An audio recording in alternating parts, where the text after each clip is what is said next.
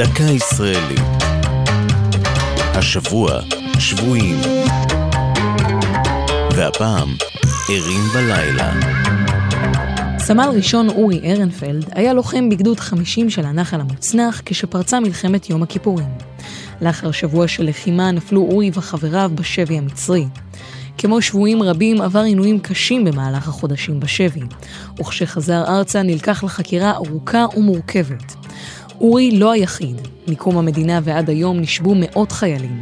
חלקם לא זכו לשוב לחיק משפחתם, ואלו שחזרו הביתה לא היו זכאים לפיצויים מהמדינה במשך שנים, ונאלצו לעמוד לבדם במאבק התמידי בתחושות ובמראות שנצרבו בזיכרון.